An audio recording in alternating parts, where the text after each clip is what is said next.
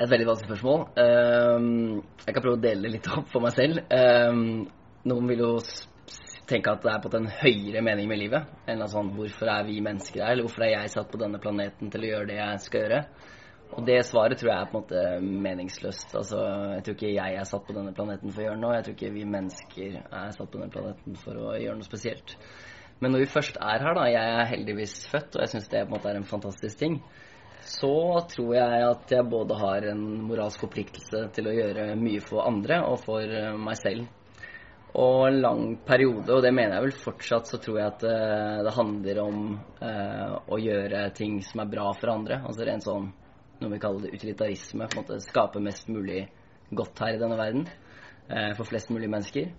Eh, også for meg selv. Eh, men jeg greier ikke helt kvitte meg med tanken om at det er noe jeg må gjøre helt nært med mine.